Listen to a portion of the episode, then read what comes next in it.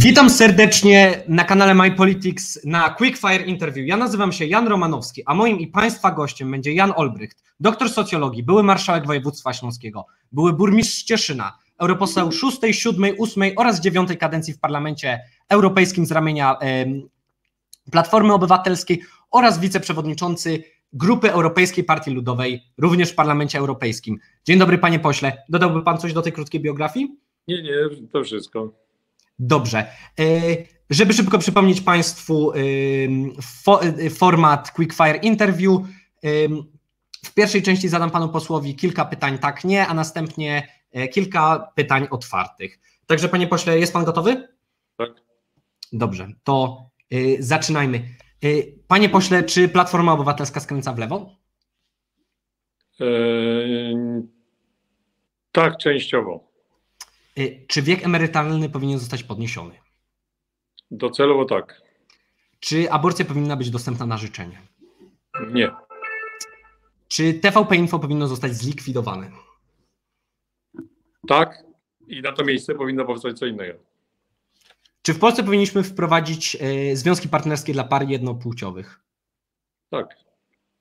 Y, czy premier powinien zostać postawiony przed Trybunałem Stanu? Tak. Czy marihuana rekreacyjna powinna zostać zalegalizowana? Nie. Czy powinna zostać wprowadzona europejska pensja minimalna? Nie. Czy w Polsce powinniśmy zbudować elektrownię atomową? Nie. Czy w Polsce jest zbyt dużo regulacji prawnych? Tak. A na poziomie Unii Europejskiej? Też. Tak. Y, czy współpraca między Unią Europejską a Polską powinna zostać zacieśniona? Tak. Y, czy powinny zostać wprowadzone limity liczb kadencji w Sejmie? Nie. A w Parlamencie Europejskim? Nie. Czy Borys Budka powinien odejść? Nie. Czy sądzi pan, y, iż Donald Tusk wróci do polskiej polityki? Tak. A sądzi pan, że taki powrót byłby dobry dla naszego państwa? Halo, halo? Powiedziałem tak. A, yy, przepraszam, to nie usłyszałem. Yy, czy lockdown był legalny? Yy, nie. A słuszny? Yy, tak. I teraz pytanie yy, wielokrotnego wyboru to jest kwestia yy, obecnie kontrowersyjna w Polsce, przynajmniej dla niektórych polityków. Które prawo ma, ma wyższość? Polskie, europejskie czy oba są na tym samym poziomie i żadne nie ma wyższości nad drugim? Europejskie. Europejskie. Dobrze, dziękuję bardzo panie pośle. W takim razie przejdźmy teraz do pytań otwartych. Zaczniemy od pytań na temat y, Rzecznika Praw Obywatelskich. Dzisiaj w Polskim Sejmie zaskoczyła nas informacja, e, iż y, Sejm wybrał panią Lidię Staroń na Rzecznika Praw Obywatelskich. Na gorąco, jak pan by skomentował ten wynik? No nie jest zaskakujący w świetle ostatnich e, uzgodnień między prezesem Kaczyńskim a Pawłem Kukizem. E, udało się e, wygrzebać, że tak powiem, kilka głosów, które by uratowały tę, tę propozycję. To nie jest dobra propozycja i to nie jest dobry sygnał, bo potrzebny jest ktoś, kto jest fachowcem, ekspertem niezależnym. Dobrze. Panie pośle, czy to głosowanie pokazuje, iż Prawo i Sprawiedliwość ma większość w Sejmie bez Jarosława Gowina i jego posłów. E, tu, tu jako informacja dla naszych słuchaczy, 9 z 13 posłów porozumienia oraz pani Monika Pawłowska, która jest e, posłanką porozumienia, aczkolwiek nie jest członkinią klubu parlamentarnego Prawo i Sprawiedliwość, głosowała za kandydaturą Lidii Starion. Także czy jest większość PiSu bez, bez Gowina? Znaczy większość nie, natomiast w niektórych głosowaniach PiS będzie mógł liczyć na posłów z innych grup, to znaczy się na Pawła Kukiza i kilka osób oraz na część Konfederacji. Więc y, na pytanie, czy PiS ma większość, nie ma. Natomiast czy może liczyć na wsparcie innych y, y, ugrupowań w niektórych sprawach? Tak. A na chwilę wracając jeszcze raz do kandydatury pani Lidii Staroń, czy sądzi pan, że Lidia Staroń otrzyma większość poparcia w Senacie? Czy zostanie zatwierdzona przez Senat jako Rzecznik Praw Obywatelskich?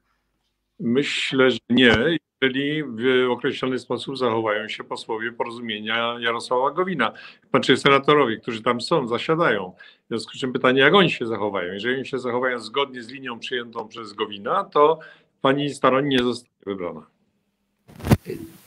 Dobrze, y, to już jest któryś raz, jak Jarosław Gowin się buntuje, powiedzmy, przeciwko Jarosławowi Kaczyńskiemu i po raz któryś ta kość niezgody w koalicji Zjednoczonej Prawicy jest rzucona. Czy sądzi pan, że, że w końcu wicepremier Gowin zostanie wyrzucony z koalicji Zjednoczonej Prawicy oraz co za tym idzie również z rządu?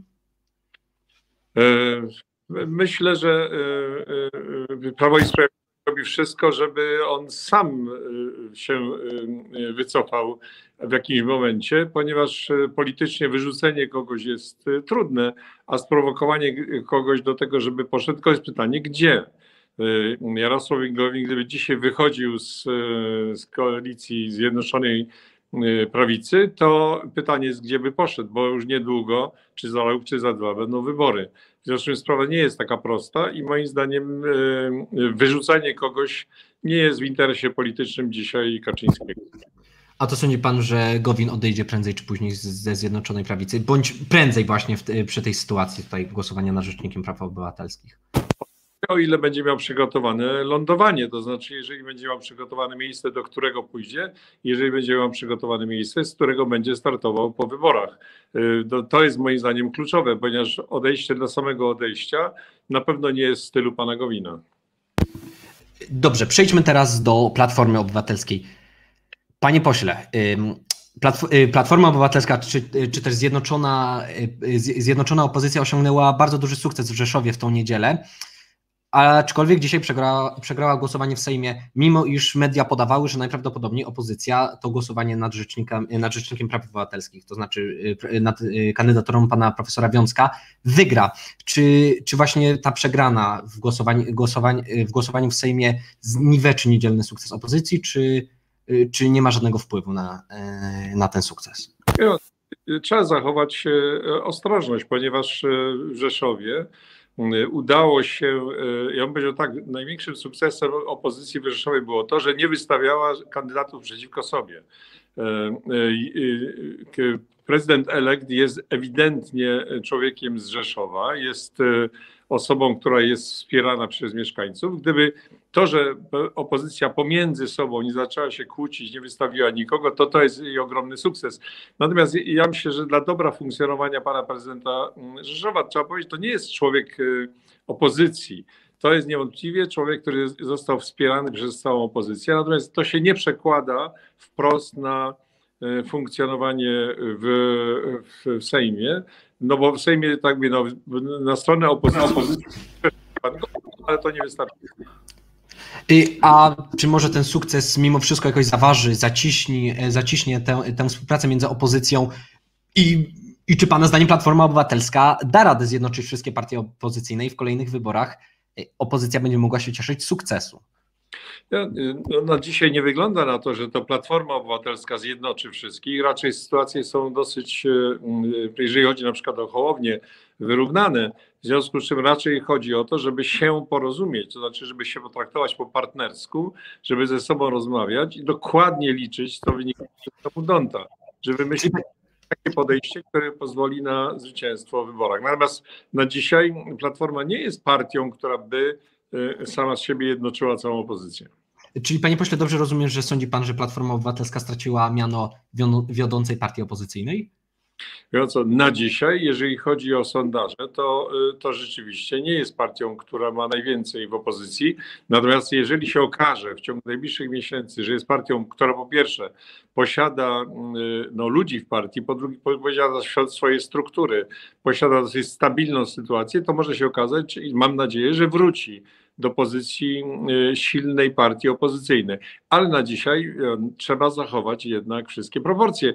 I myślę, że y, dzisiaj Platforma na pewno nie będzie lansowała się na dzisiaj jako ta, która będzie wszystkich jednoczyła, ponieważ to w sposób automatyczny będzie budowało opór ze strony innych partii. To może warto odejść z Platformy Obywatelskiej, panie pośle, jak w sondażach idzie wam coraz gorzej, szczególnie wśród młodzieży która bądź co bądź zostanie w przyszłości przyszłością Polski i będzie stanowiła o większości e, elektoratu polskiego. Czy, czy po prostu nie jest łatwiej uciec z tonącego statku, zanim zapełni się wodą? E, bardzo proszę o pytanie. Czy nie warto odejść z Platformy Obywatelskiej? W ogóle czy nie warto? Nie warto. Nie warto, ponieważ e, e, jeżeli ktoś jest dzisiaj w Platformie Obywatelskiej, to jest nieprzypadkowo. Nieprzypadkowo, bo albo go z nią łączą różnego typu doświadczenia, albo go łączą miejsca i ludzie. W związku z czym odchodzić to jest pytanie, gdzie, po co, dlaczego, dlaczego opuszczać. Nie, nie, na dzisiaj nie warto. Y, opuszczać platformy, ponieważ y, sytuacja na rynku politycznym jest bardzo niestabilna. Wszystko się może jeszcze zdarzyć. W związku z czym, natomiast wie pan, y, równocześnie połączył pan to z, z kwestią ludzi młodych. To jest pytanie, czy Platforma będzie potrafiła, czy my w Platformie będziemy potrafili przed wyborami być przekonywujący dla młodych ludzi po to, żeby oni na tą partię zagłosowali. A to jest trochę inna kwestia. W związku z czym na, na dzisiaj nie wygląda, żeby ludzie młodzi się garnęli do tempowania do partii. Ale ja myślę, że jeżeli pan pyta o tych, którzy już są w partii, to ja bym sugerował, że może nie warto korzystać z tego, że statek się chwieje i żeby go opuszczać. Czyli nie kusi Pana współpraca z Szymonem Hołownią, nawet jeżeli by y, pan, Panu proponował miejsce w swojej partii? A to jest pytanie do mnie, rozumiem. Czy ja mam zamiar opuścić platformę? Nie, nie mam zamiaru e, opuszczać platformy i nie mam zamiaru korzystać z żadnych ofert, których zresztą, prawdę mówiąc, nie dostaję.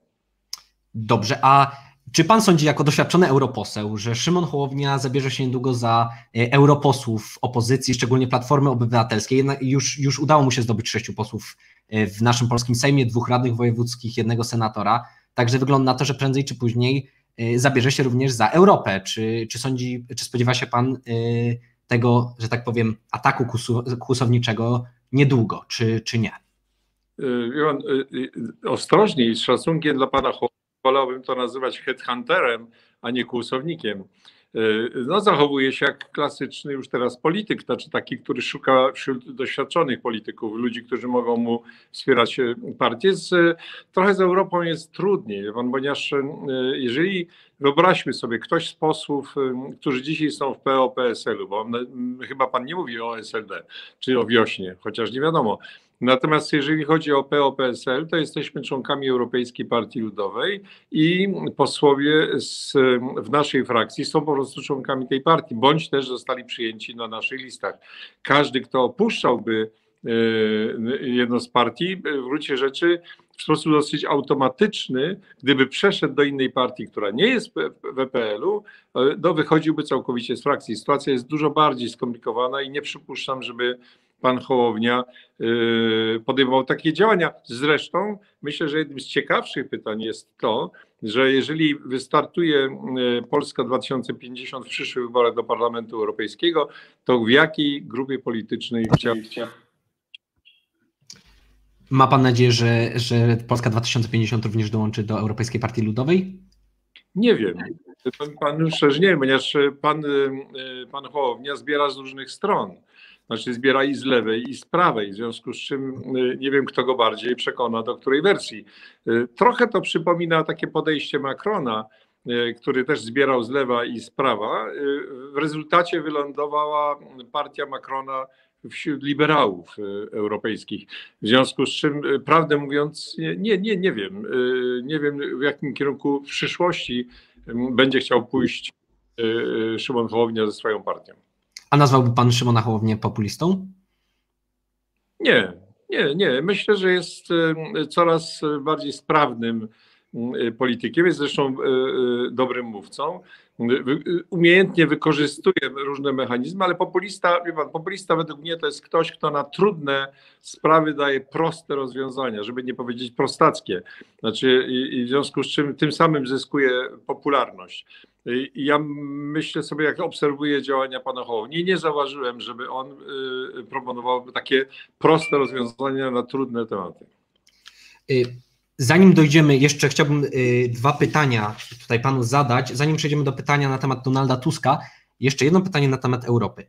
Czy kwestie światopoglądowe, polityka światopoglądowa powinna y, y, kompetencje ustanawiania prawa, regulacji prawnych, właśnie kwestii świato, światopoglądowych powinny zostać przeniesione do Brukseli, do Parlamentu Europejskiego, czy też jednak powinny zostać na rodzimym podwórku? Znaczy, jeżeli pan ma na myśli światopoglądowe w rozumieniu na przykład kwestii obyczajowych, to, to oczywiście nie powinno to być kompetencji Unii Europejskiej. z tym, zgodnie z tym, co Państwo się umawiały, między innymi przy karcie praw podstawowych, na przykład kwestie dotyczące rodzin, one powinny być zgodnie z zasadą subsydiarności w kompetencjach państw członkowskich. Co nie oznacza, że osoby o określonych poglądach czy określonym światopoglądzie są zadowolone w poszczególnych państwach. Natomiast moim zdaniem przenoszenie tego na poziom europejski i próba zrobienia z tego prawa europejskiego, które byłoby zgodnie z definicją y, nadrzędne w stosunku do y, y, kwestii krajowych, jest moim zdaniem nieuprawniona i może spowodować dużo więcej szkody niż pożytku, co zresztą widać po rezolucje Parlamentu Europejskiego, które nie mają żadnej mocy prawnej, wzbudzają ogromne kontrowersje. Panie pośle, czy Donald Tusk będzie rycerzem na białym koniu polskiej opozycji? Yy, nie, nie. No, rycerz na białym koniu to jest, to jest taki ktoś, kto przyjeżdża z zewnątrz, yy, wszyscy na niego patrzą jak to na koniu, patrzą do góry na, na, na niego i jest takim człowiekiem, który może zbawić.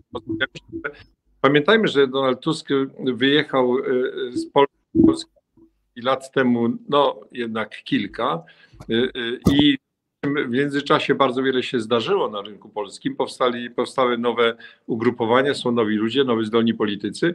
Natomiast w tym samym czasie Donald Tusk nabrał znaczenia jako polityk o charakterze międzynarodowym, żeby nie powiedzieć globalnym. Rzeczywiście zrobił świetną robotę, wraca jako bardzo znany i szanowany polityk międzynarodowy i w związku z czym jest osobą z ogromnym doświadczeniem. Jest pytanie, w jaki sposób tego typu doświadczenie może być y, y, wykorzystane na polskiej scenie politycznej. Nie wiem, ponieważ nie wiem, jeszcze nie ujawnił y, pan Donald Tusk, jakie ma zamiary, ale myślę, że to jest jakby trochę inna, inna klasa, to znaczy on funkcjonuje trochę w innym, na innym poziomie i może służyć jako osoba, która będzie pomagała w budowaniu czy to porozumień, czy jakichś wspólnych działań. No, do tego go predestynuje to, co osiągnął na arenie międzynarodowej. Słyszymy y, pogłoski o tym, że Donald Tusk, wracając do polskiej polityki, obejmie mandat y, senatora Rzeczypospolitej Polskiej i miałby zastąpić na tej pozycji panią senator Barbarę Borys-Damięcką, marszałek senior Y, obecnej kadencji Senatu i zostać senatorem z okręgu 43, czyli z warszawskich dzielnic Mokotowa, Ursynowa, Wawru i Wilanowa. Y, w tym okręgu pozwoliłem sobie sprawdzić, Platforma Obywatelska ma ponad 25% y, przewagi nad Prawem i Sprawiedliwością.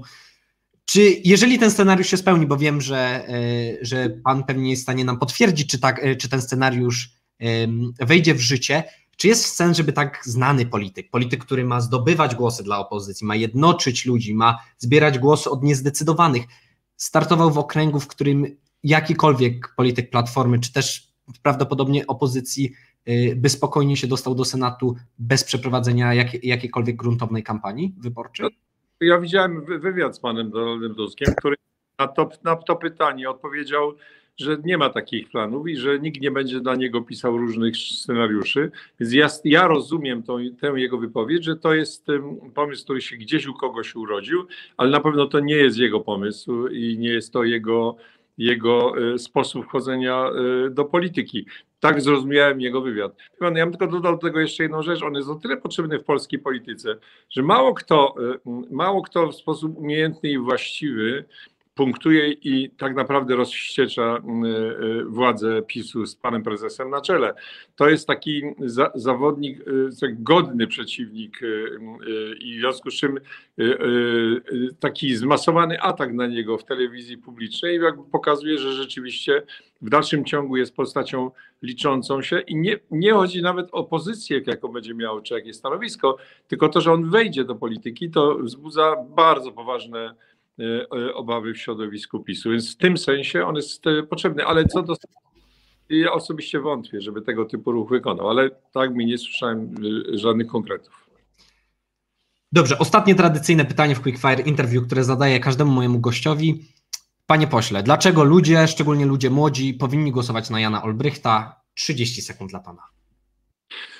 Ja, Dlaczego powinien głosować? E, e, ponieważ e, robię wszystko, żeby być wiarygodny, robię wszystko, żeby się, nie robię niczego, żeby się przypodobać. Staram się być w polityce osobą, która ma taki swój styl polegający na tym, że Ja w ogóle mówię to, co myślę i mówię rzeczy, które uważam za prawdziwe.